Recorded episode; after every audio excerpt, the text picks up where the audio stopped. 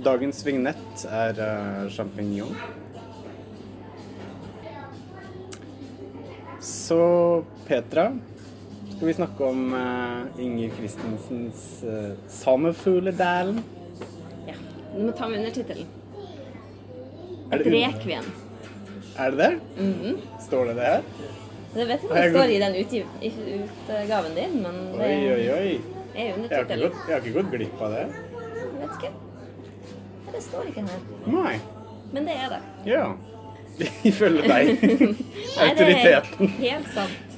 Ja. Jeg skal la deg være Inger Christensen, autoriteten blant oss foreløpig. Um, mm. Ga det deg noen nye assosiasjoner når du fikk vite hva undertittelen var? Et rekviem? Ja? Jeg vet jo knapt hva ordet betyr. Ok, det er dødsmesse. Katolsk mm. dødsmesse. Ja.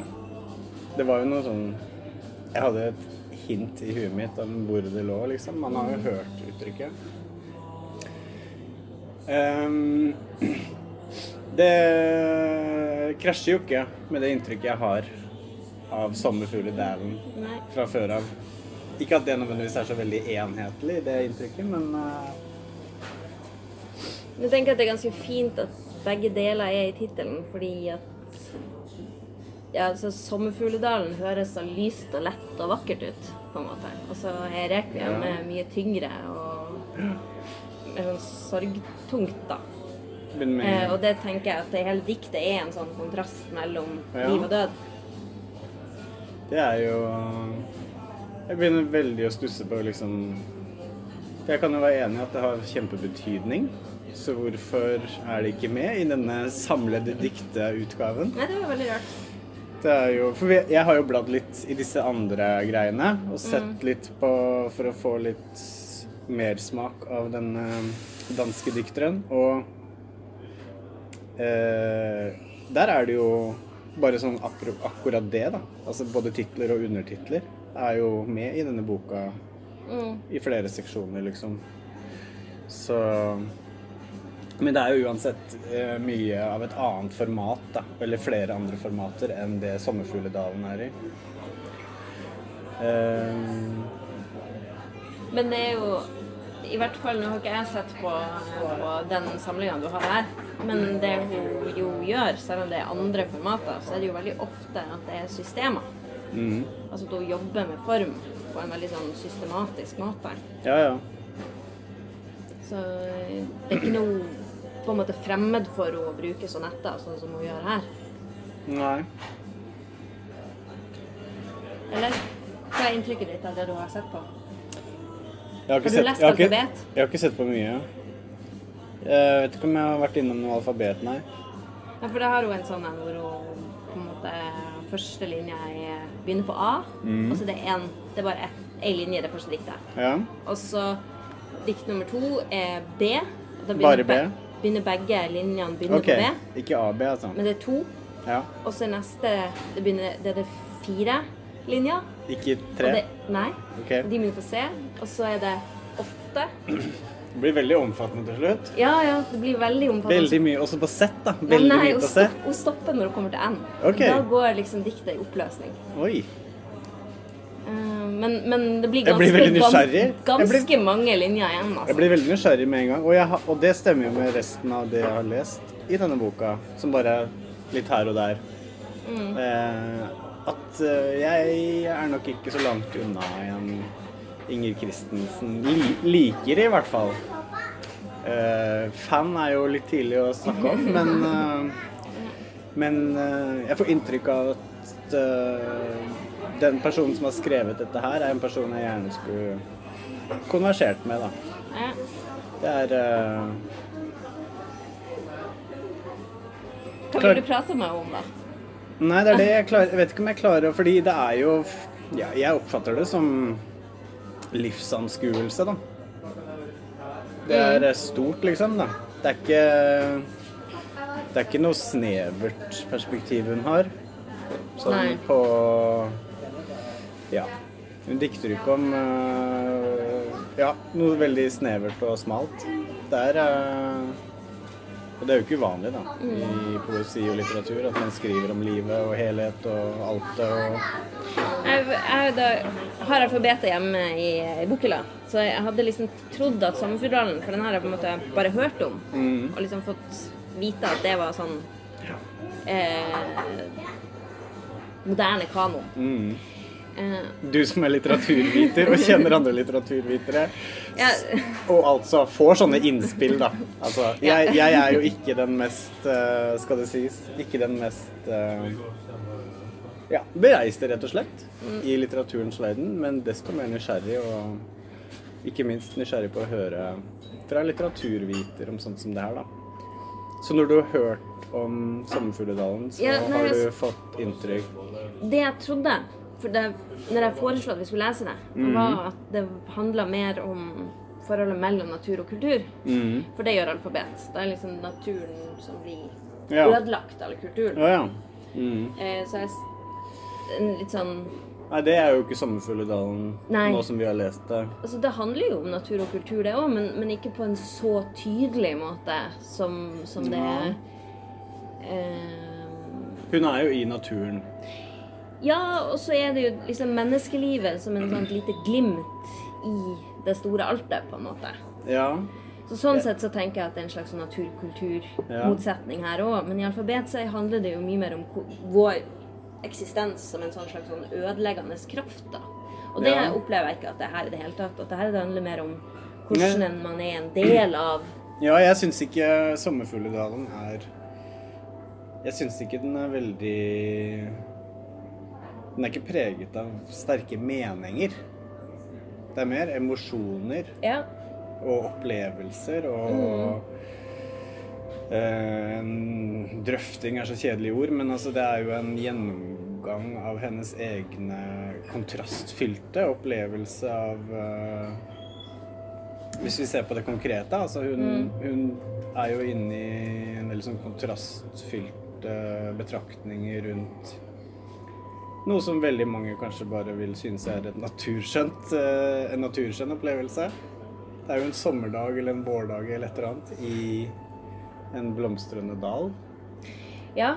Altså sånn helt konkret så er det jo det. Men jeg tenker jo at hun veldig fort begynner å snakke om noe mer abstrakt, eller Altså at- det nesten med en gang vi har så Jeg tror det er vers to eller noe. Ja, Du begynner å snakke om minner, da. Ja, men øh, Ja. Ikke sant? Hun, hun er jo i Braitsjino-dalen, som jeg har slått opp. Vet du hvor det er? Makedonia. Ja. Fordi du slo opp? Fordi at mest Eller er det noe man vet? Nei da.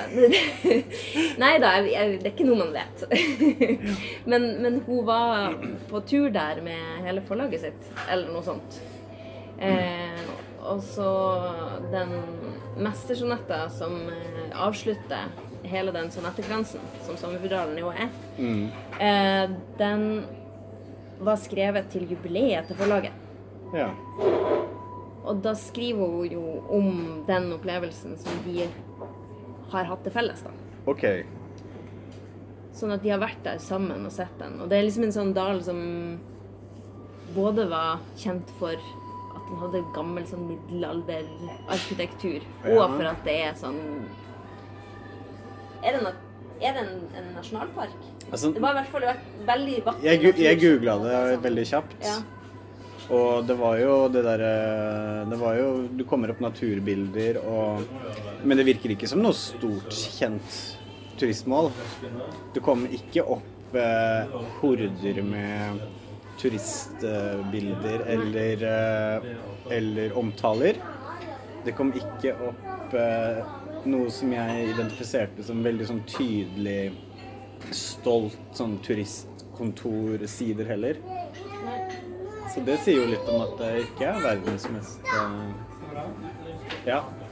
Det er nok ikke like slående som Mont Blanc eller eh, Hardangerfjorden, tenker jeg, da, sånn, i turistverdenen i hvert fall. Sånn, og markedsføringsverden, sånn med tanke på Jeg tenker at det må være et poeng, da, at den er litt, at den er litt utilgjengelig på et vis. For det hun beskriver, er jo noe med å liksom komme til Liksom ned... Altså, hun snakker jo liksom om underbevisstheten. Og det Ja. å hente opp minner som vanligvis ikke er i kontakt med. Ja. Så tenk at da er det jo et poeng kanskje at den dalen også er litt sånn utilgjengelig og utafor allfarvei, da. Mm. Ja, du sier hva, minner hun vanligvis ikke er i kontakt med. Jeg eh, hadde ikke så klart bilde av det. Hun er jo mye i minneverdenen sin. Det er jo der hun er, stort sett. Ja, men ikke sant, sånn som her. Så den som andre somre sommerfugler kan hente livets tette purpurfarve opp fra den underjordisk bitre hule. Altså, hvordan leser du denne underjordiske bitre hula? Altså, det er jo veldig Det er jo ikke noe Det er ikke noe lett å plassere disse tingene smalt. Men, men, men mener du at underjordisk smaker av at liksom Om det er minner her, så er de per definisjon ikke minner man er innom hver dag, liksom? Altså Jeg opplever det i hvert fall som at hun påkaller altså siden hun, hun, Og det gjør hun jo veldig sånn gjennomgående, så at når hun bruker sommerfuglnavnene, så er det ikke tilfeldig hvilke sommerfuglnavn hun bruker. Nei. Sånn som i den første sommerfuglen hun nevner, da. Ehm, jeg vet ikke Jo. Sort Apollo Nemnosyne. Ja. Og Nemnosyne er eh, hukommelsens gudinne. OK. Eh, som da er, i tillegg er en mor til de ni musene. Mm. Sånn at hun knytter sånn det diktet hun skriver da, til hukommelse. Sånn helt i starten. Ja.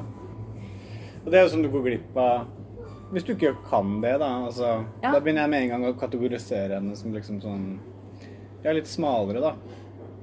Altså sånn i i potensielt publikum.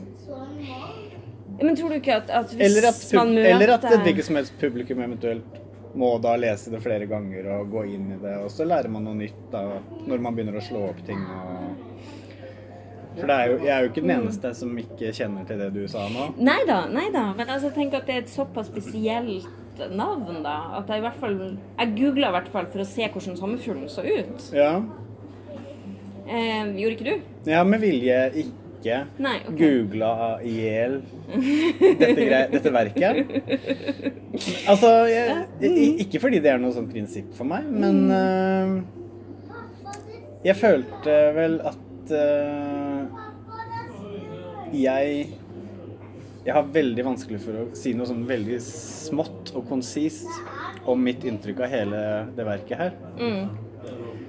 Men at det gjorde inntrykk på meg, på kanskje den ene og den andre måten, det gjorde det. Ja. Eh, Så jeg så egentlig veldig fram til denne praten med deg for å kanskje få satt ting litt på plass. Mm. Fordi inntrykk, inntrykkene mine fra dette Men altså, det med, med, med, minner og sånn, da, det får vi jo på en måte her òg. Altså, mer sånn en litt mer sånn tydelig sånn Ja. Er det min barndom strømte sommertime, splintret som i tidsforskutte lyn? ja. Og snakker mye om barndom gjennom hele. Jeg tror du fanger opp mye mer fordi du er litteraturviter, og også tydeligvis Enten du googla de i forbindelse med diktet nå, eller kjente til noe fra før av, så virker det som du plukker opp mer detaljer. Uh, mens jeg bare oppfattet hele greia som en uh,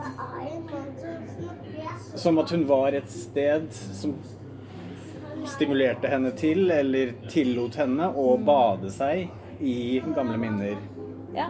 av en karakter som liksom var veldig konkret stimulert av stedet og ehm, Men du er enig i det, da, med gamle minner? Det- Ja, jeg er enig i at ja. minnene altså, For hun er jo i Braichino-dalen i Makedonia.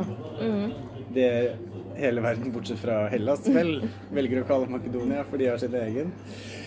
Uh, men hun er jo i Hun er jo i Dan tilbake i Danmark også. Og det er jo i minnet. Mm.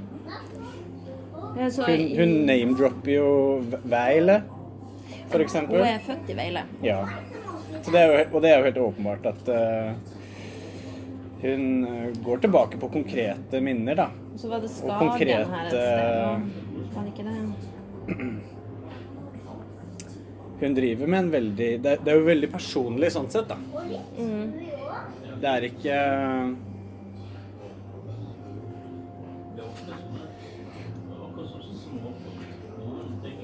Det er ikke en generell betraktning i sånn måte. Altså, det er jo veldig personlig, oppfatter jeg det som.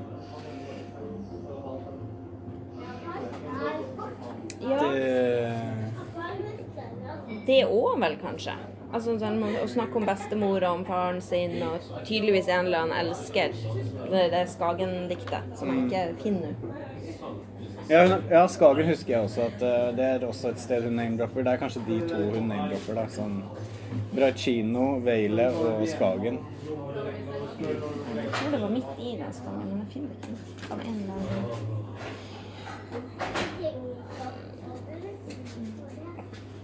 Så Jammerbukten nevner hun. Hvor er det hen? Det, Det er jeg ikke noe jeg kjenner til.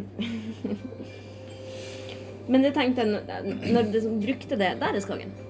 Når hun skrev um, det om Jammebukten, så tenkte jeg at det var mer fordi selve vel- navnet gir assosiasjoner. Da er vel Jammerbukten oppe ved Skagen der, da? Eller? Kanskje. De er jo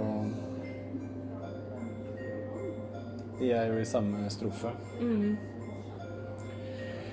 Men det er i hvert fall eh, ja, Så typisk, da.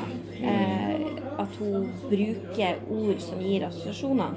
Sånn at det ikke bare den her denne, som du da sier at du ikke kjente navn og syne, men også når hun bruker morfaus, når hun bruker Altså, kålsomme fugl. Ja, Sørgekåte. Jeg er jo generelt veldig lite bereist i konkrete navn på sommerfugler. Ja. Harlekin har man vel hørt om. Det nevner hun jo. ja. Eh, og det er vel rett og slett fordi den er veldig vanlig, tror jeg, at jeg har hørt om den. Eller på den er sånn må si at greie. jeg har ingen, ingen Så- assosiasjoner men- til men- men når du- når du, Ja. når du nevner sørgekåpe og sånn, så trodde jeg, da trodde jeg Da er det noe jeg har misforstått, for jeg trodde det var blomster. Altså, brudeslør Blåfugl, admiral og sørgekåpe. Har du slått i opp? det Jeg mener at det er I hvert fall de to første eh, er sommerfugler. Ja, det er det. Eh, Det er jo sommerfugler som er mye gjennomgående her, men, de, men hun er jo innom blomster, i hvert fall. Ja, men det er det jeg sier. Om ikke i name-dropping. eh, At når hun sier sørgekåpe, så er det fordi det er sammensatt av sorg og kåpe. Det er derfor hun bruker det. Ja, ja. Akkurat som å bruke brudeslør, fordi det er, har en konkret betydning også. At ikke det bare handler om at vi skal se for oss sommerfuglen eller vi skal se for oss blomsten, men vi skal også eh, se den andre betydninga av ordet. Mm. Ja. Hun bruker harlekin, så er ikke det bare at du skal se for deg sommerfuglen harlekin. Nei. Du skal se for deg narren harlekin også. Når du bruker admiralen, så er det mm. det er ikke bare en sommerfugl, men det er også eh, en mann i uniform. Det var det jeg mente. Ja. Nei, jeg eh, Altså, det her er jo det som er gøy, gøy med å snakke om kulturprodukter. At vi er jo så forskjellige i vår betraktning. Og Bare sånn helt generelt, uavhengig av min samtale med deg nå, mm. eller samtaler med hvem som helst om f.eks. dette verket her, da. Så tenker jeg at dette verket her vil jeg nok oppfatte Om jeg så leste det 15 ganger mm. Kanskje ikke sånn tett på, men liksom Om jeg leste det på nytt, da, én gang 15 dager på rad, så tror jeg jeg hadde endret litt oppfatning hver eneste gang. Før det begynte å sette seg noe mer solid, da. U også uavhengig av om man eventuelt googlet konkrete ting, eller um, Og det sier jo mye om Jeg syns det er spennende. Det er, altså, da kan du utvikle et forhold til verket over tid, og, og du kan være Du kan gå opp og ned i hva du syns om det.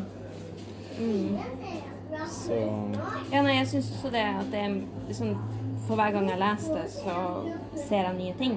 mm, Nå leter jeg etter denne Jeg skal ha notert den. Vet- husker ikke hvilket vers det var i, men hun hadde Ja. en sånn veldig fin For det er vel etter dette her eh, Jeg kan lese litt fra Vers seks er det.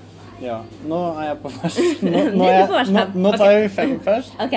Første strofe. Som, som blåfugl, admiral og sørgekåpe.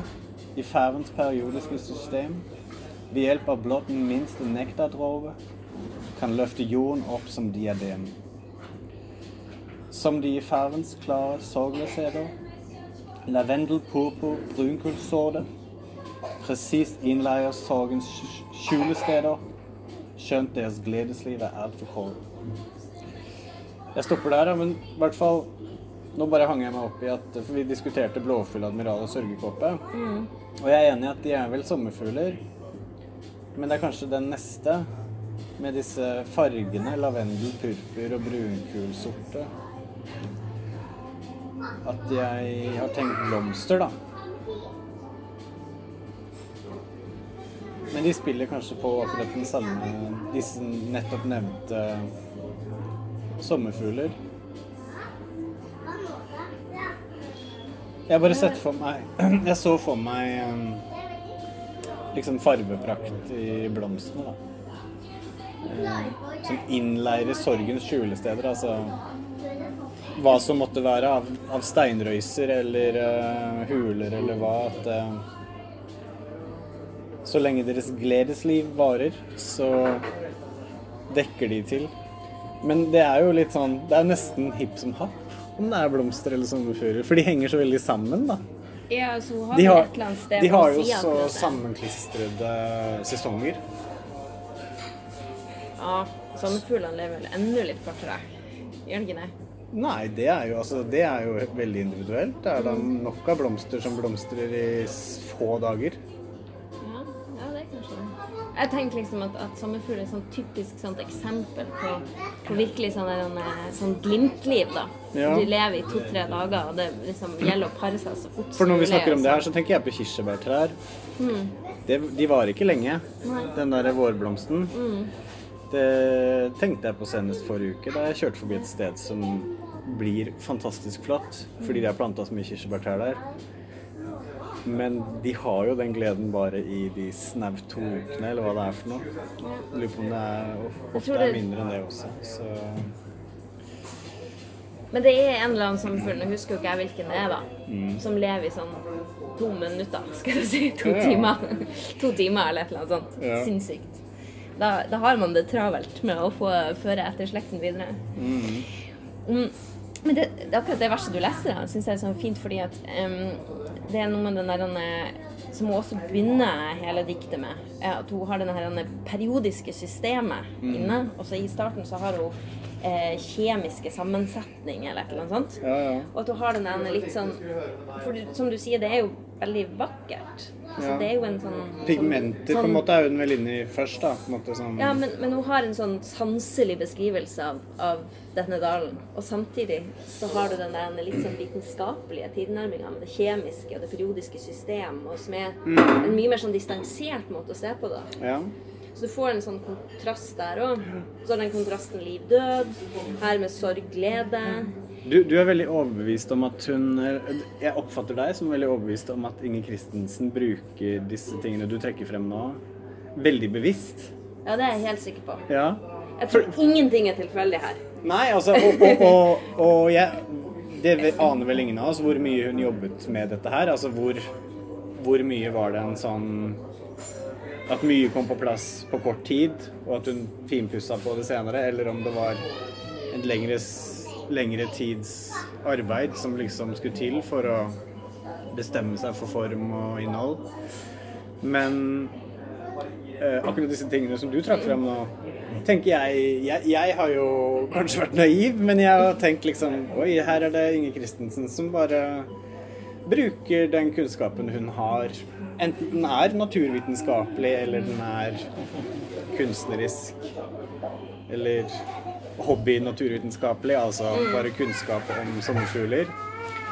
Til å prøve å plassere sin opplevelse, sine følelser eh, Sin eh, Ja, noe. Nei, nei, jeg tror det Altså, har du prøvd så Du har ikke prøvd å skrive en sonettekvens noen gang, har du vel? Nei, jeg kjenner jo ikke til Altså, du, du har jo allerede sagt sonette flere ganger, og jeg, vi har hatt andre ting å snakke om, men jeg kjenner jo ikke definisjonen Nei. på en Altså, sonette.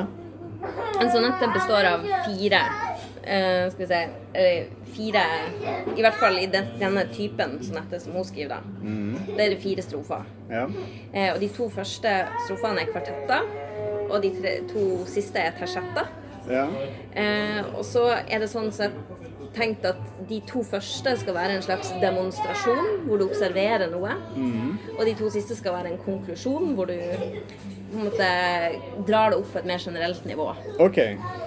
Eh, og så eh, er de da skrevet Og det er vanlig å, ganske, å være ganske trofast mot dette formatet av de som bruker det? Altså, det er jo ikke mange som bruker det. Det er jo et veldig sånn klassisk format. som Ja, jeg tenker Shakespeare, da. Altså, Ja, eh, han har vel noe sånn etter Ja, Shakespeare-sonetta er litt annerledes. Den er skrevet med tre kvartetter og en eh, dublett til slutt. Mm. Men vi snakker jo i hvert fall om sånn veldig klassisk, hvis vi ja, tenker at absolutt. eh, Og renessanse. det er et gammelt format, da. Eh, og så er det eh, et rimønster som eh, Hvis du ser hun har først et mannlig rim, og så to kvinnelige rim, og så mannlig rim igjen. Okay. Og det går A, B, B, A. Eh, og så i tersettene det er kvartettene, da. I tersettene så har du eh, det Petra? C, D, Petra, Ja. var et mannlig rim og et kvinnelig Å rim? ja, unnskyld. Et kvinnelig rim er når du slutter på en trykklett stavelse. Dette her er literary analysis 101, skjønner jeg? Ja, Eh, og et mannlig rim er når du slutter på en trykk tung stavelse. OK. Eh, sånn at duft vil du høre at det er tungt, Mm. eh, så det er et mannlig rim. Mens råtne, da går det opp. Altså, da er det trykkslett. Mm. Så da er det kvinnelig rim. På den siste stavelsen som styrer liksom mm. Og så er det skrevet i jambisk pentameter. Ja, det er noe jeg kjenner. Ja. Særlig fra min nye hobby, som er New York Times crossword. Aha. Fordi, ja Jambik går igjen der, da. Kan du forklare hva et jambisk pentameter er, da? Nei, for du lærer ikke noe om disse tingene. Du bare lærer å putte de inn etter hvert. Ja. Så det er eh, starter på trykk lett, og så er det trykk tung. Da er det en jambe. Så det er liksom to stavelser. Ja. Eh, og så er det fem av de. Da blir det et pentameter. ja. Så derfor er det et jambisk pentameter. Jeg kjenner det begrepet fra før. Jeg har aldri lært det. Og så, så det er ganske mye å holde kontroll på her allerede, ikke sant? Ja, ja. Og så ikke nok med det, så skal det være en sesur midt i linja, altså en pause. Ja. Og så i tillegg så er det da når det er sonettekrans, så skal du ha den første linja eh, i hver av strofene skal da komme til slutt i Mestersonetta. Så hele Mestersonetta den består da av de første verselinjene i alle de Jeg har vært på Wikipedia lite grann om Sommerfugledalen spesifikt, Ja. og leste det begrepet sonettekrans, da. Og leste jo forklaringen. Altså det, men, men, men må, må si en siste ting. Ja, Altså, det er bare litt, enda litt mer imponerende, da. For Ing Christensen går liksom et skritt videre. Så det Ja, ja. ikke bare at hun liksom har den første linja, hun kommer igjen i den siste. Nei. Men hun har den siste verselinja i, hvert, Ja. eh, i hver, eh, hver sonette. Mm. Begynner da den neste sonetten med. ja. Og den siste sonetta, den siste verselinja i den siste sonetta, er den første verselinja i den første sonetta. Ja. Sånn at det er en ring. ja. Det syns jeg er utrolig lekkert. ja og og, det er så vanskelig å få til! Du aner ikke hvor mye du må jobbe. Jeg har skrevet altså- to sonettekranser i mitt liv, og det var hard jobbing. Jeg brukte et helt jævla år. ja. Hvor lange ble de? Det, det, det er jo 15 Å oh, ja, det er det Ja, du sa ja. Det, var, det er så mye detaljer. Ja. Du må tilgi meg for at Nei, jeg det går glipp av eh, en- enkelt konkrete ting her. Så sonettekrans er alltid 15 sonetter. 14, eh, Mm. 14 eh, enkeltsonetter, og så en mestersonette til slutt, som består av de Nå ble, 14 første. nå ble jeg veldig opptatt av hvor mye dette har å si for våre ulike tolkning. Da. At det Mm. er så mye å potensielt ha kunnskap om, om Mm. formen, som du besitter. Og som du besatt før du leste dette. Ja. Så du har det jo med deg, Mm. og det dukker opp i hodet ditt når du leser. Mens jeg har jo vært et helt annet sted. Og det syns jeg er spennende, da. At, eh, Ja. Å liksom prøve å Om vi klarer å Og det som er fascinerende, er jo at du tenker at det er så lett og ledig skrevet at du tror at hun bare har liksom At det bare har rent ut av henne. At hun ikke har jobba med det. Ja, ja. Det er jo fascinerende at hun faktisk har fått det til, da. Ja. Fordi se, eh, jeg, jeg, jeg, jeg leste jo den beskrivelsen av en sonettekrans. Uh, og, men selv da, og også nå som du har beskrevet det, og jeg som er så lite bereist i poesi, stiller jo veldig spørsmål ved uh, formålet, da. Med så stram struktur. Jeg er helt enig i at uh, elegans Altså fordi flyt kan du ha både med struktur og uten struktur, tenker jeg. Men det gir jo en spesiell type flyt, kanskje, da. Og, men det er jo særlig også det at uh, Ja, du Som vi er inne på, hun Hun bruker jo at det at sonetter i det hele tatt er en gammel form, og at eh, Ja, det, det gir jo flere dimensjoner å vite dette her. Så Jeg tenker på den sirkelen hun lager, da. At Ja. det er liksom livets sirkel. Fordi jeg må vel innrømme at slik jeg har lest det Og jeg leste det altså Jeg har lest hele greia to To og en halv gang, var det To ganger, og så liksom skimma en gang nå i stad. Og- Men det er altså de to første gangene da jeg leste de i, ro og mak for meg selv, så Så må jeg jo innrømme at jeg var litt litt kritisk, eller liksom sånn stille meg undrende til om ikke det blir litt mye jåleri, da. Dette kransegreiene. Særlig når jeg leser den der eh, siste avslutningen, som har med seg alle førstelinjene og At uh, og, og det tror jeg er meg som person, da. Som er veldig glad i sånn Altså, jeg har, jeg har egentlig ikke utforska det noe særlig, altså. Men bare du sier 'stream of consciousness' til meg, så blir jeg sånn Å ja, la meg bivåne det, la meg lytte til det, la meg delta i det. Ehm, der, der kan jeg ikke forklare hvorfor eh, hvor, hvor jeg har fra. Men det er eh, nok den jeg er. Altså jeg, jeg har veldig behov for, i hvert fall som en del av livet mitt, å ha sånn veldig fritt format. da.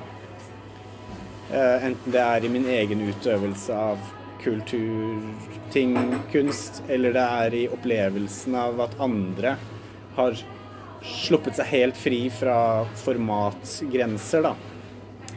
Men, Men Steve og Consciousness er jo en veldig tydelig form, det, da. Ja, altså den er jo tydelig i sin form i det at den avviker Altså den veldig bevisst uh, Sånn som jeg tenker det, altså Den bare veldig bevisst avviser uh, Ja, altså du, du, Altså, du, du skal komme med det du har uh, å by på, på en måte, der og da, da. Ja, Du skal ikke forberede i hvert fall og Du gir i hvert fall inntrykk av det. Jeg tenker at De forfatterne som skriver Streaming of Consciousness, som skriver assosiativt, Ja. de bruker jo akkurat like mye tid på det som det Inger Christensen gjør. Det er jo ikke sånn at de sitter og bare skriver Mm. Ja. rett ut. Ja, altså Stream of consciousness kan, kan jo kanskje brukes i forskjellige settinger, men du, nå begynte du å snakke om skriving. Jeg se, ser jo for meg og har oppfattet den originale Stream of consciousness som diktopplesning på sånn underground diktklubber, om det er i Paris eller New York eller London eller hva det er for noe, men at det, at det, at det var en veldig sånn live greie. En sånn open mic-aktig greie. Men det her er jo noe vi kan ja, vi undersøke, kanskje, men- Men ja. Men jeg har jo hatt inntrykk av at det er der det starta, og at det er også Men selvfølgelig jeg, I det bitte lille jeg har prøvd meg som liksom forfatter selv, så tenker jeg jo at det er jo en kjempespennende teknikk å bruke bare Om ikke annet bare sånn metodisk når du lærer deg selv å skrive som én måte å skrive på. Altså bare slipp deg løs, da. Det er Ja, jo det, bana det banale s- stikkordet, da. Og, og virkelig friskriving. Altså sånn Kutt ut hemningene dine, liksom. Særlig når du skriver for deg selv, så er det jo egentlig helt tullete å ikke gi det et forsøk. Fordi det er bare du selv som kan se det, og du kan jo velge å gå over til et redigert format akkurat når det passer deg, og gå tilbake i teksten og Altså Det Inger Christensen um, har sagt sjøl om det, er jo at hun blir på en måte satt fri av den strenge formen. Ja. At mye av, av det formen gjør, er at Mm. hun undersøker og oppdage ting fordi hun er nødt til å følge formen. Det er en logikk jeg følger veldig Så, så, så, når jeg når jeg uttrykker et behov, for, måte, både for meg selv og også kanskje vitne at andre mennesker utøver en sånn veldig sånn formfri utøvelse av musikk og dikt og litteratur, så, så er det en del av meg. Altså, det er en, og det er et, jeg, jeg skjønner at det bare er ett uttrykk. Altså en variant da, av frihet, på en måte. Jeg syns jo det er en veldig sånn slående måte å være fri på. Men jeg er helt med på det der at velger du å akseptere visse eh, regler, da? Eller sånn som vi snakker om sonetter, som er veldig regler og så, så har du jo noe veldig klart å forholde deg til, da. Som på en måte kan være et håndtak, da, noe håndfast. da. Som du, du kan på en måte ha Den ene hånden har noe å holde i, og dermed så kan den andre hånden slippe seg enda friere. Skrivehånden din. Ja. Du holder deg fast med støttehånden din, og så skriver du med skrivehånden din. Ja, nei, så jeg tenker at det går inn i hele den der kontrastverden som hun lager her. da. At det er noe fritt der, men så er det noe veldig fast der også. Ja. Og samtidig som hun har den ene sorg, glede, glemsel, minner, Ja. liv, død. Eh, det bitte lille insektet, det store kosmos. Mm. Natur, kultur. Eh, For det er jo som, Jeg har jo nevnt at hun Jeg syns jo det er veldig emosjonelt, og jeg er enig i at liksom Det er jo noe som kanskje kan slippe fri når liksom andre ting er avklart. Da. Sånn som form, da. Altså du har bestemt deg for en form, så kan du kanskje liksom At det kan hjelpe til å frigjøre hva det er som fyller formen. At uh...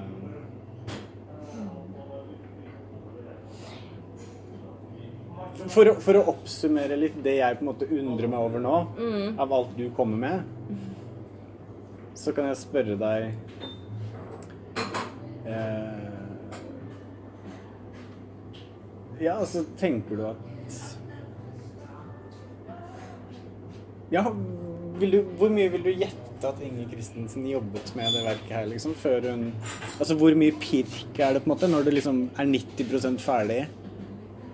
Men for å få på plass det siste, siden det er i det der stramme formatet Og det er jo det jeg kanskje tenker kan være utfordringen med det stramme formatet. At ja, du kan øh, Det er noe som blir enklere med det.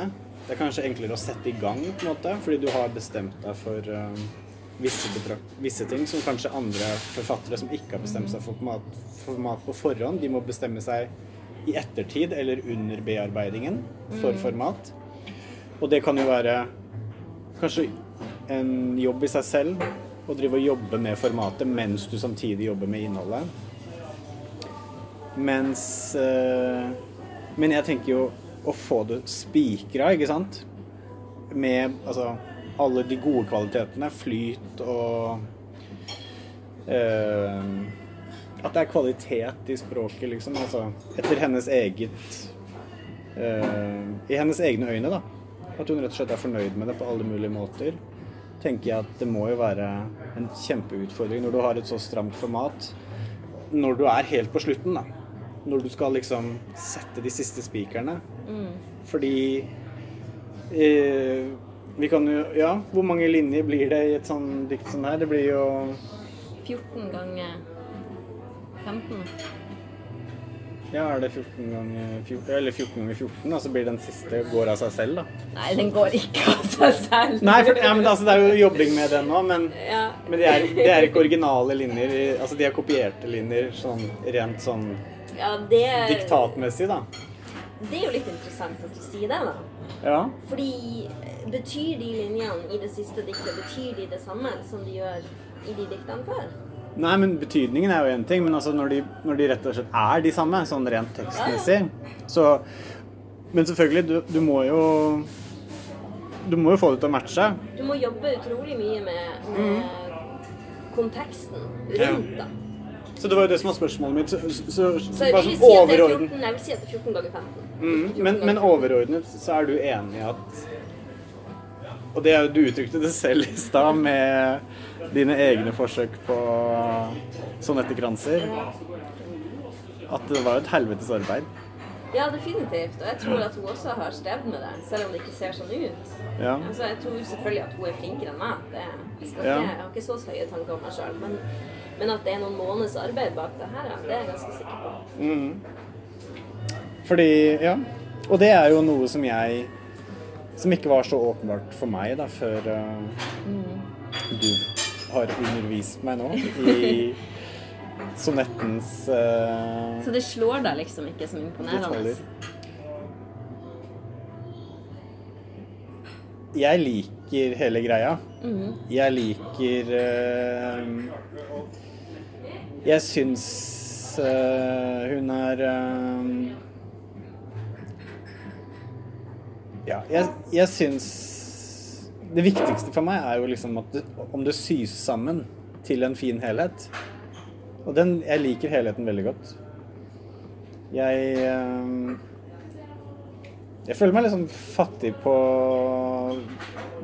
konkrete beskrivelser, da. Men det er jo også det inntrykket jeg fikk, var ikke så Når vi satte oss ned for å snakke om det her nå, så hadde ikke jeg noe landa inntrykk av Inger Christensens 'Sommerfugledalen'. Og det er jo det jeg sa i stad også, at om jeg så leser det en gang hver dag de neste 15 dagene, så vil det nok være en stund før det eventuelt lander, da. Det, det inntrykket jeg har, da. Jeg tror ikke det er poenget at du skal på en måte lande det heller. Nei, jeg tenker det er jo en kvalitet i seg selv, det at du at du oppdager eller oppfatter ting på en annen måte hver gang du leser det. Så For det er jo liksom det når hun starter det med Det stiger opp planetens sommerfugler som farmestøv fra jordens varme kropp, sinober, oker, gull og fosforgule, en sverm av kjemisk grunnstoff løftet opp. Ja. Altså det hele den Det bildet hun bare starter med, da, eh, er jo er vanskelig å sammenfatte. Altså, som du sier, det er jo masse, bare masse inntrykk av farger og litt sånn flagre og uklare former. da. ja. Eh, og jeg tenker at det må jo være litt av poenget med hele diktet. At du ikke skal føle at du kan fange det ordentlig. ja. Det er som en sånn sommerfugl som stikker fra deg. ja, og noe av det som bidrar til det, tenker jeg, er jo at hver eneste linje er såpass på en måte rik og lite forutsigbar fra foregående linje. Mm. at uh, du får ikke helt sånn Jeg fikk i hvert fall ikke på en måte Altså, du må være veldig pann som leser, tenker jeg. Mm. Du kan ikke sette deg tilbake og Jeg, jeg, jeg syns ikke det er lettvint lesing. Selv, selv om jeg ikke liker å bruke begrepet tungt heller, for det går litt mer sånn på tematikken, altså, og, og den er litt mer vekslende, da.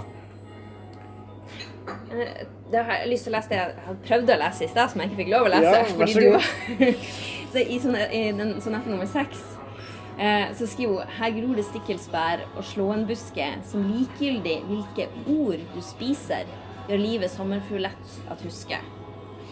Eh, og at det er noe med den der altså, og, også rett før her og skriver om mens haven synker ned i ingenting, og ordene der før var tillatt stave.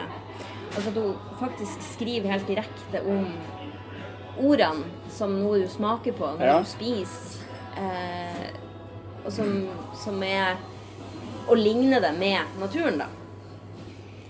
Eh, og at jeg tenker at, at det er litt av det samme som jeg sa i stad, at, at diktet er Alle de ordene som det består av, er ord som du kan se fra litt ulike vinkler. Ja. At når hun skriver 'sørgekåpe', så er det en sommerfugl, men det er også sorgen sin kåpe. ja, ja. Når hun skriver om eh, bestemora si som har gyldenlakk og levenøye og brudeslør i hagen, så sier hun noe om levd liv like mye som hun sier noe om den blomsterhagen. Jeg er helt enig i at altså det er Jeg fikk jo det inntrykket når jeg leste, at det er, det er veldig Det er veldig gjennomtenkt eller uh, Altså at hun har truffet det hun har lyst til å formidle, da. Og at det er dypt, da. I den forstand at uh, hun tar ikke lett på hvilke sommerfugler hun nevner, eller hvilke referanser hun har til barndommen, eller altså Det er ingenting som er tilfeldig, liksom. Jeg er enig i at det er veldig gjennomført, da. Og tight, på en måte. Det er ikke Ja, jeg, jeg ser liksom ikke på noen av strofene som Som om de har noe særlig slingringsmonn, da. Med tanke på um, akkurat den formen de fikk, og, og det innholdet de fikk, da. Jeg er enig i at Men vi har snakket mye Vi har vært mye på litterærtekniske, og jeg, Ja. jeg har vært på skolebenken nå. Ja, skal vi gå litt inn i det? Men, men har, du, har du noen tanker om uh, Har du noen tanker om uh, Ja, noe Du nevnte jo noe i stad om, om hvordan dikt duk- altså, kom av dage. Altså det En sånn forlagstur ned til der Braucinodalen. Settingen for Ja, den altså, turen, da. det er den mestersonetta er den hun skrev først. Mm. Um, så det var jo egentlig ikke meninga at det skulle være en, mest, en, en krans. Det var jo bare denne. OK, det er jo kjempeinteressant. Derfor jeg snakka om at jeg hadde lyst til skulle lese denne. Fordi at, at den er på en måte utgangspunktet for hele prosjektet. da. Ja. Skal vi ta det nå? Ja, På min eh, På din fine dansk. De stiger opp, planetens sommerfugler, i Breitkinodalens middagshete luft. Opp fra den underjordisk bitre hule, som bjergbuskaser dekker med sin duft. Som blåfugl, admiral og sauekåpe, som påfugløye flagrer de omkring. Og fårgjøgler, universets tåre, et liv der ikke dør som ingenting. Hvem er det der fortryller det møtet?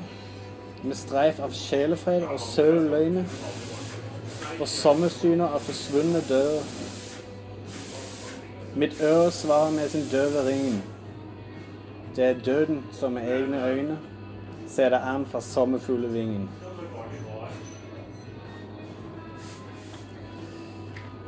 Uh, ja.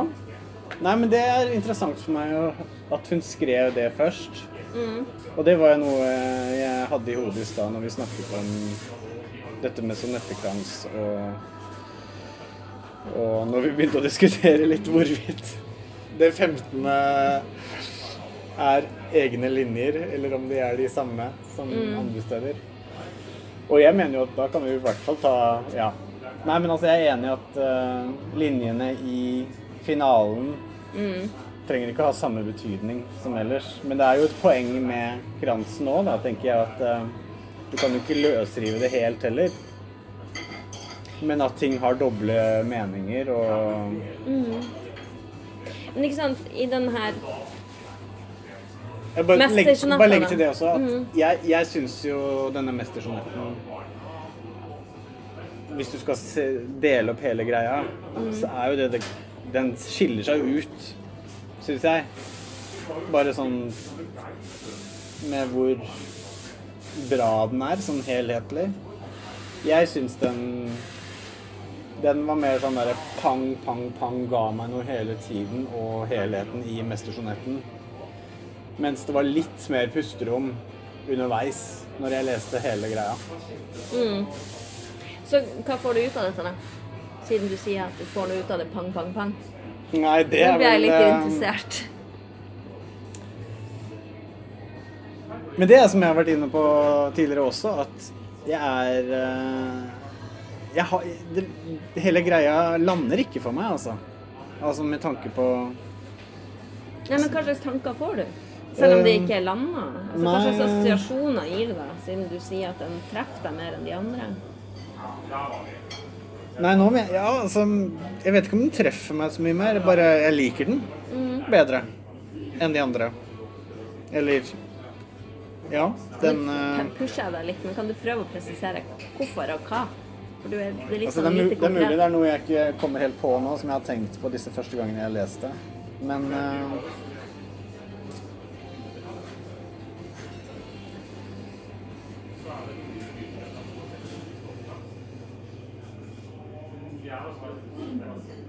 Altså, det er vel noe med starten, rett og slett, som setter tonen for meg.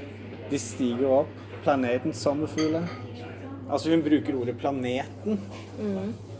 Det er jo et veldig vidluftig, Ja. løftig perspektiv som starter hele greia.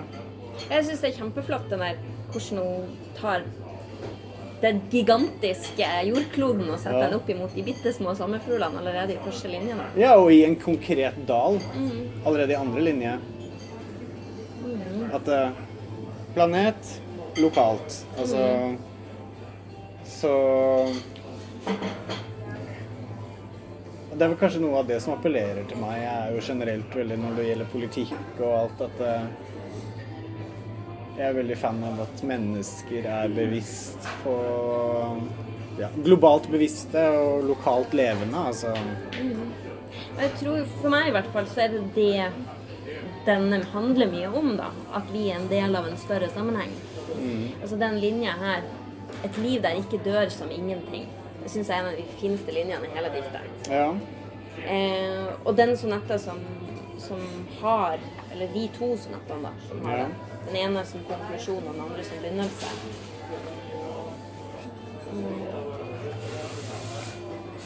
Det er den første, den Skagen-sonetta, som handler om det kjæresteparet. Ja. Og så ender det med et liv der ikke dør som ingenting. ja. Det er også en, det er en linje som jeg virkelig festa meg med, da. Ja, For det er jo den derre Meningsløshet er det jo veldig vanlig for mennesker å kjenne på i ulike grader. Det er vel de færreste som ikke kjenner på det i noen grad eh, på noe tidspunkt. Og da er det jo den derre jakten på mening, da. Jakten på faste holdepunkter. Fordi det er jo veldig mye som er meningsfylt i en mer sånn flyktig forstand, kanskje. Altså et godt måltid, eh, sånn øyeblikksstunder. Men er det så, så det er vel noe som Særlig den strofa, da. Har hatt betydning for meg i, i lesingen av uh, 'Sommerfugldalen'. At um, Ja, at det er noe veldig Hva skal vi si um, Det er tung Hun er inne på tung tematikk, da. Altså Hun er inne på det mest fundamentale av alt. da. Ja. Hva er livet, og er det meningsfullt? Hva er meningen? Og i den sånn her så tenker jeg da knytter du veldig sånn konkret til fellesskapet. ikke sant? At det at du har opplevd noe sammen med noen andre, gjør at livet ditt får mening og er verdt noen ting. Ja. Mens i den neste så starter hun liksom med et liv der ikke dør som ingenting, og så spørsmålstegn. ja. Jeg la merke til den om hvor, hvor juksete er ikke det i Sonette Nei, det er ikke, juk det ikke juksete i det hele tatt. Så tegnsetting, det kan man gjøre som man vil med. Ja, selvfølgelig. Fordi da skifter jo setninga betydning. Altså, hva vil det si å, å Min, leve min respekt for Sonette Grans miljø dalte ned i Nå syns jeg du ødelegger. Altså, Nei, men altså ja, altså, Fordi det sier jo på en måte Hva er det som skal til, da, for at et liv har mening? mm, Eh, og så Her så setter hun på en måte menneskelivet, det lille menneskelivet, opp mot det store. Ikke sant? At hun har med denne eh, hele jordens kart og alt av hjernes... Altså at hun på en måte mm. eh, Skal jeg lese det, eller? Men, men mener du at hun eh, At hun funderer litt på vegne av menneskeheten? Eller at det er veldig personlig? Jeg mener at, at det er både personlig og universelt på samme tid. Jeg tenker For jeg var veldig en- på det personlige plan, da. I, okay. henne, I henne sånn At hun har hatt runder med seg selv der hun har kjent på meningsløshet, og at det er noe hun tar opp i Sommerfugledalen. At Og prøver å plassere og prøver å plassere meningen og hennes veldig private funderinger og følelser, da.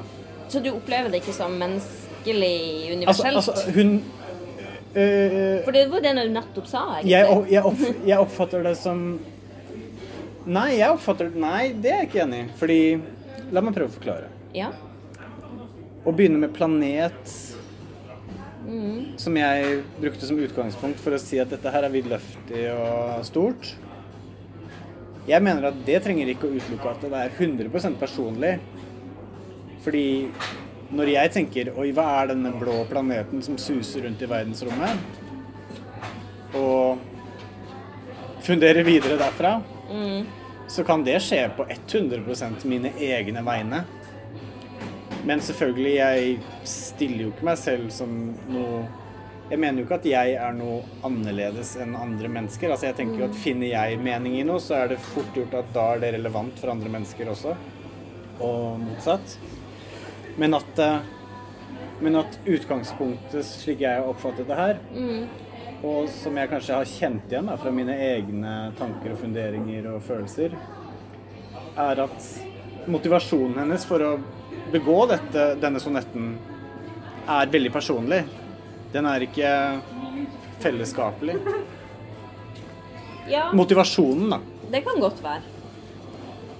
Det, men jeg tenker uansett at, at det hun gjør, er jo at hun Når hun da gjenforteller denne kjærlighetsscenen da, hvis- i Skagen, så føles det som en personlig opplevelse. Ja. Men når hun går over på den neste sonetten her, hvor hun snakker om det menneskeskapte mot naturen, og kjærligheten og menneskeheten og liksom Ja. Da, da føles det for meg i hvert fall som hun løfter det opp på et mer generelt nivå. At hun sier at dette er noe som er felles for oss alle. da. At ikke det, det handler ikke om hun lenger. Jeg eh, Ja, jeg, jeg var ikke der. Jeg, jeg var at hun aldri forlot Altså, tankene veksler mellom de, det nære, det konkrete. Minner om eh, kjærlighetsfølelser. En konkret dag på, eller en periode på Skagen på et eller annet tidspunkt tidligere i livet hennes. For så å veksle for så i hodet sitt veksle til et mye mer løftig perspektiv. For meg så er ikke det noe eh, som du nødvendigvis trenger å gjøre uten å forlate 100% deg selv som på en måte Altså, Nå er vi jo over på noe Protagon- filosofisk. pro protagonisten for tankene, da. Altså Ja, altså, på filosofisk nivå så er det jo sånn. Du kan aldri forlate din egen, ditt eget hode, ditt Nei, eget perspektiv. du Så det er klart. Jeg mener at du Denne sonettekransen kunne vært skrevet mer med Altså hun Jeg føler at hun ikke nevner Verken mellom linjene og i hvert fall ikke konkret, da. Så nevner hun jo ikke andre menneskers velvære på en veldig konkret måte. Men det kan jo selvfølgelig tolkes inn. Ja, altså jeg tenker at når man skriver menneskeheten, så mener man vel hele menneskeheten. Og vi må se oss selv i det på forhånd tapte. Så snakker hun jo om oss som et Nei, men jeg tenker Hun, Vi. hun, hun nevner bi, bil, bilde. Ja, men vi, men da er det fortsatt Jeg er jo med i vi-et. Ja, ja, nei, jeg sier jo at det er sett fra hennes perspektiv. Det vil det jo alltid være. For du er enig i at uh, diktere kan jo benevne menneskeheten som et de? Som, med et utenfra-perspektiv? Ja, men det er veldig sjelden. Altså, det er jo en sånn Ja, men det er jo fortsatt en lyrisk det er fortsatt en mulighet, da. norm, da. At man Ja, men det er fortsatt en mulighet. At, Absolutt. ja. Så jeg er jo åpen for det du sier, men Ja.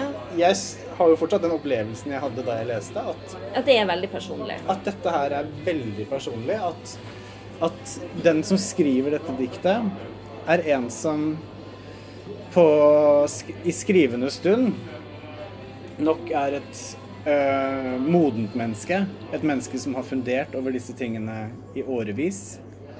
Det er ikke en 18 år gammel uh, person som har sine første tanker om temaene, eller tidlige unge tanker om temaene. Det er Jeg vet ikke hvor, hvor, hvor, hvilken, hvor gammel Inger Christensen var når hun skrev dette, men Men det er en av de seneste tingene. Sånn at det Hun var nok godt oppi åra. det er noe modent over det, har jeg tenkt, da. Ja, og det er jeg helt enig med deg for det handler jo såpass mye om døden, og om hvor Ja. kort livet er, og hvor Men, men også at hun har kommet et sted der hvor hun Eller i hvert fall i skrivende stund, i den perioden, eller i hvert fall når hun bestemte seg for sluttproduktet, absolutt ikke var et deprimert menneske. Kanskje et menneske som har Snarere et menneske som har smakt på depresjon tidligere, men som har kommet fram til at depresjon og lykke er ikke ja og nei, det er mer ulike farger som til, til dels kan være til stede i livet samtidig, og Eller i hvert fall at eh, livet konstant vil veksle mellom betraktninger som kan ligge i de to leirene, da. Altså tenker jeg det er en For meg det er kanskje jeg, derfor jeg beskriver det som modent, for det er noe jeg kjenner igjen ved meg selv som å se livet i farger og fargetoner heller enn i harde kontraster, da. Som jeg nok gjorde mye mer da jeg var ung.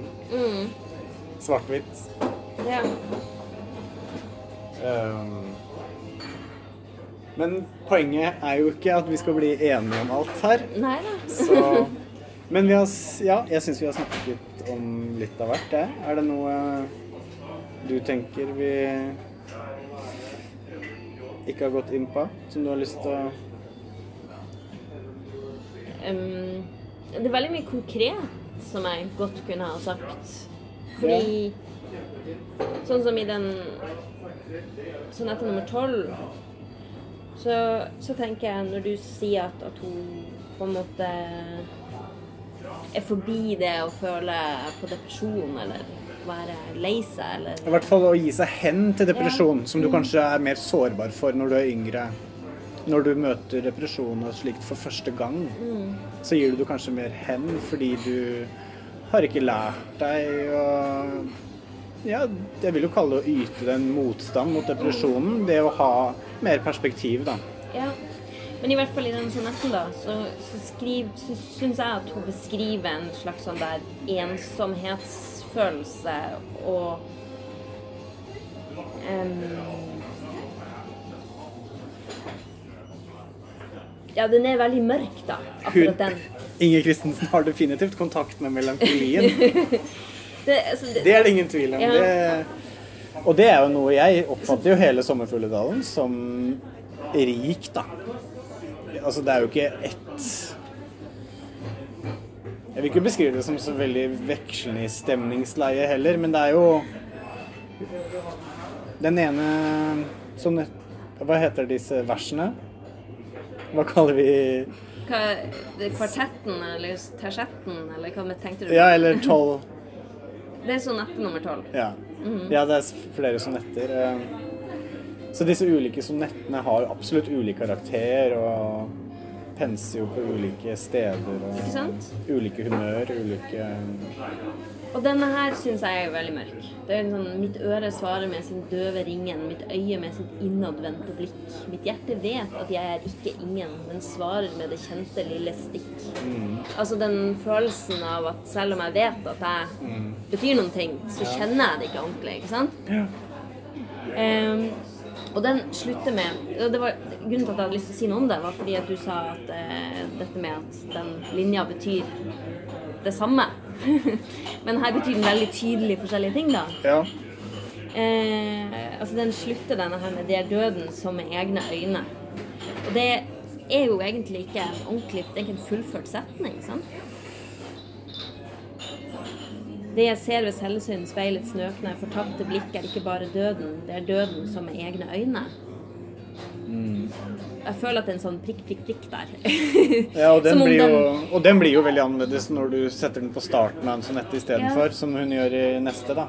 Så her føler jeg nesten at, at hun på en måte Fordi den er så mørk som den er, den sonetta, når hun gjør det, så er det nesten som hun tar på en måte og dreper den litt på slutten. Altså fordi den slutter uten at den egentlig Ja, er ja. slutt. Og så når hun da begynner med 'det døden som med egne øyne vil se seg selv i meg som er naiv', eh, så er jo døden her personifisert og mye mer sånn aktiv.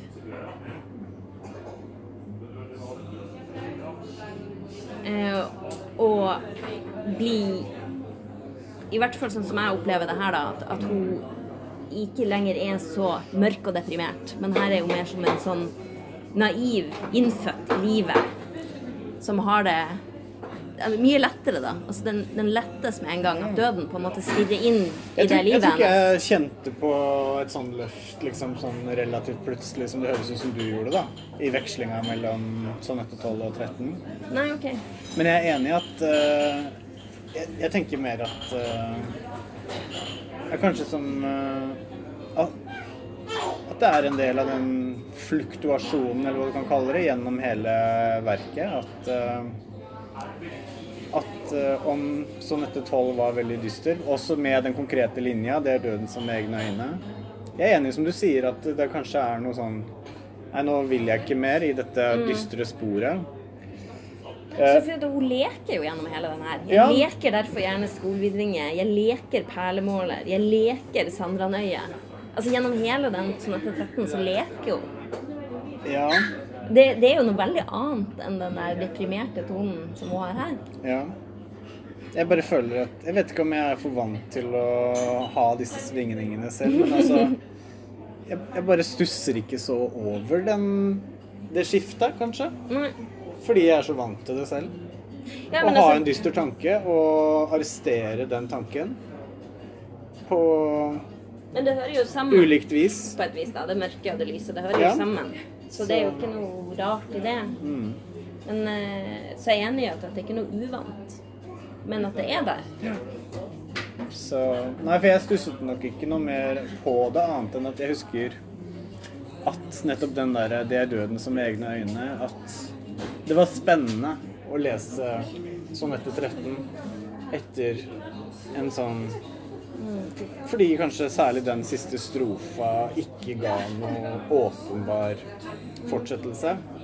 Men samtidig, når fortsettelsen kom, så var den naturlig og gjenkjennelig, syns jeg, da.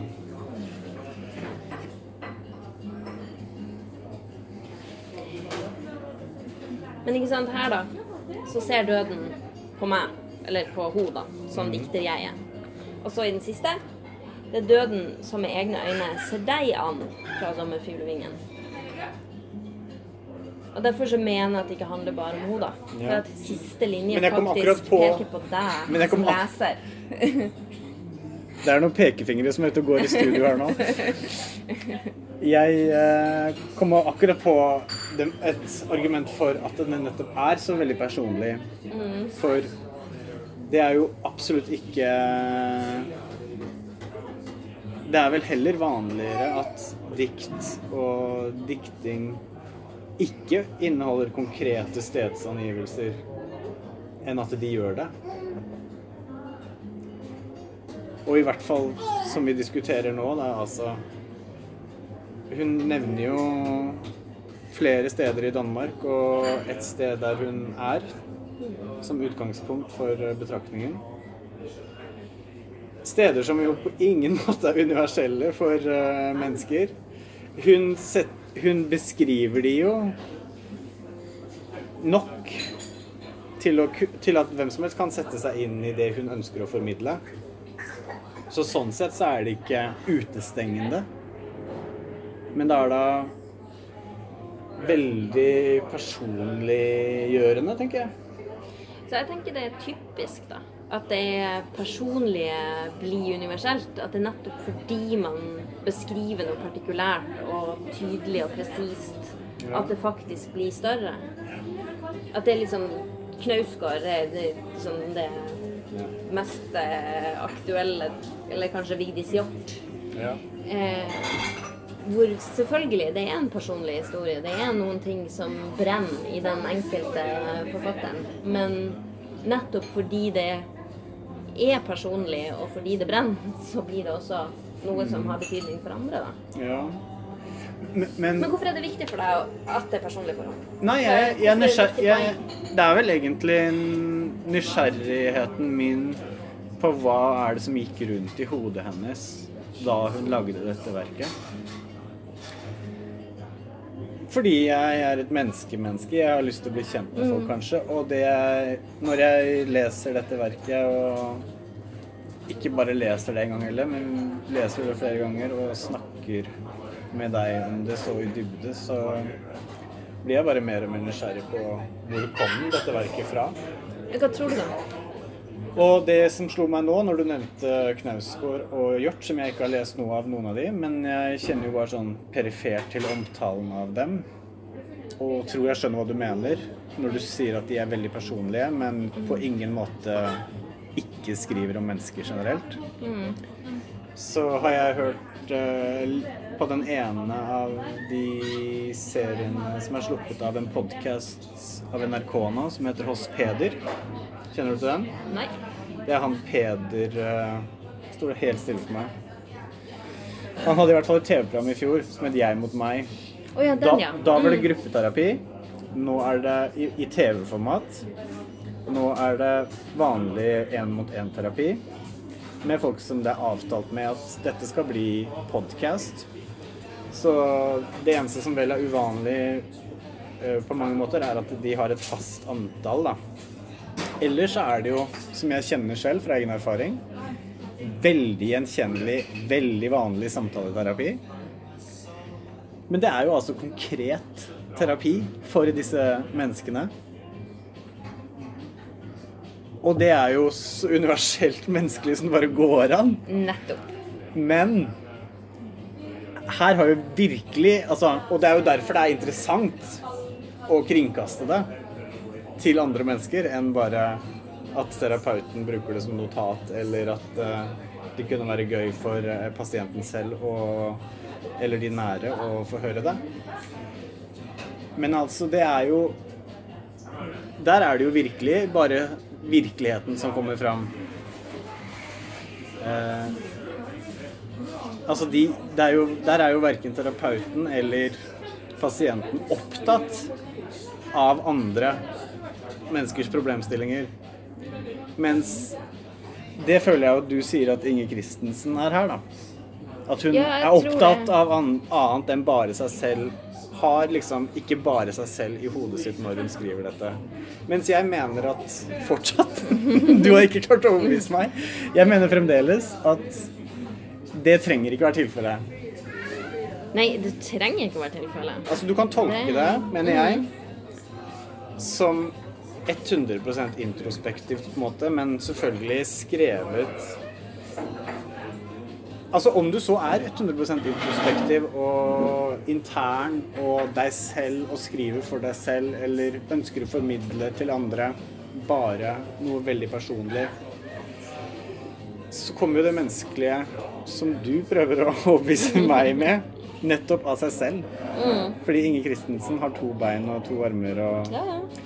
Men jeg føler jo veldig at hun inkluderer meg når hun snakker om vi, og hun sier du, og Altså at det på en måte Det er, Jeg er er i samtale. Jeg er jo enig i at hvis du stiller det opp mot stedsnavnene, f.eks., som jeg trekker frem, så er det jo kanskje ting som trekker i ulik retning. Da. At eh, det er ting som trekker i din favør, og ting som trekker i min favør, vil jeg si. da.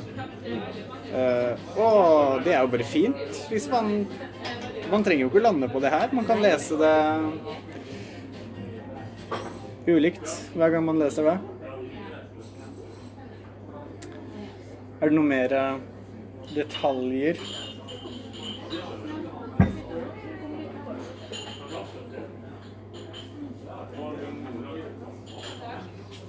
Er det noen linjer du liker veldig godt, som vi ikke har nevnt?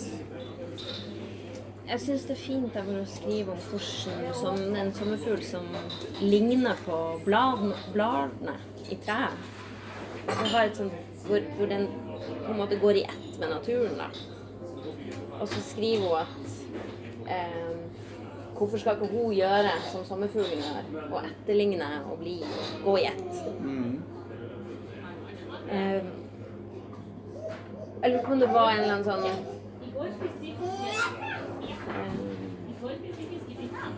Hun, hun sier jo også noe om løgn og sannhet. da. Eh, og så er det jo, som du snakka om i stad, med alle disse spektre av farger. Hun nevner jo mange forskjellige sånn fargenavn sånn som jeg aldri hadde hørt engang. Sinober har jeg aldri hørt før. Nei, Det er derfor jeg lurer på om det er mer sånn for dem som kjenner til sånn kunstmaterialer fra historien. da. At det er knytta til pigmenter. Ikke nødvendigvis, tenker jeg, for at ordet i seg sjøl er så fint å bare ha i munnen. Ja, ja. Sinober. At bare at det, du trenger egentlig ikke å vite hvordan fargen ser ut for å synes at ordet er fint. Jeg tenkte jo på det nett, senest i går, for uh, pappa nevnte Sinober. Det er jo en hytte i, i Nordmarka som heter Sinober. Å ja, det visste jeg ikke. Eller et sted. Eller det er vel i Sørkedalen. Ja. Så dit kan du dra, vet du. Du som er så glad i Sinober. Jeg er ikke spesielt glad i sinober, men jeg bare mener at, at hun har noen sånne Nei, men det Ja, jo Men uansett, altså, du snakker om liksom det der fargespekteret, da. Mm. Og så i den strofen der hvor hun skriver om, om at denne sommerfuglen på en måte går i ett med de grønne bladene Mm. og forsvinner, så eh, tenkte jeg at det er en slags sånne ytterpunkter, da. Som hun hele veien Selv om hun snakker om spekter, så går hun likevel i disse ytterpunktene. Fra det som er så veldig synlig som det fosforgule, til å være gå i ett med bakgrunnen og bli helt usynlig. det kamuflerte, eller det Ja. Ikke kamuflerte, nødvendigvis. Det, Og at det også går inn i det hun skriver om, om det der å ikke være ingen. mm. Og hun kommer jo tilbake til det flere ganger. Ja, Den, den det har jeg jo ikke- redselen for å være ingen. Da. Ja, og det har jo ikke jeg Det har, vel, det har vi ikke satt ord på foreløpig, men det er jo enig i at vi Det kommer jeg på nå, når du nevner det, at noe av det jeg liker her, er jo at hun trekker fram liksom konkrete eh, ting der hun er et individ. Men også sånn sammensmelting med livet generelt. da. Livet som ikke, ikke, en, ikke en serie med organismer, men snarere kanskje en enhet. da. Ja. Til og med med planeten, da, med det uorganiske, liksom. Altså, Og universet er også her. Så Ja, det er jo liksom hele kosmos, på en måte. Det Ja, altså, det er jo- meningen i Altså å se en mening i å Eller bestemme seg for å feire at eksistensen i seg selv er øh, Ja, jeg tror ikke på mirakler. Jeg er jo en veldig ateistisk agnostiker, men det er jo noe uforklarlig med at vi er her i det hele tatt. Ja. Og jeg er jo veldig, veldig klar på at det vil vi aldri kunne forstå. ja. Det der med å være én, som du sier, men samtidig en del av en større sammenheng, Mm. det syns jeg jo at formen Ja, bidrar noe til, da. Ja. At den sier altså, okay. At formen er jo en helhet, mens hver sonette er en enkeltstående hendelse. Eller kanskje til og med hver linje, da. Mm. Sånn at, at den, den viser formmessig noe av det hun skriver om i innholdet. Da. Er du med på det? Ja, jeg tror det. Hele den sirkelkomposisjonen hvor den første linja i den første sonetten er den siste linja i den siste sonetten. Jeg Den fordøyer jeg ikke så kjapt, tror jeg. Så har her De stiger opp planeten sommerfugler. Ja. Og så i sonette 14, da. Før mestersonetta.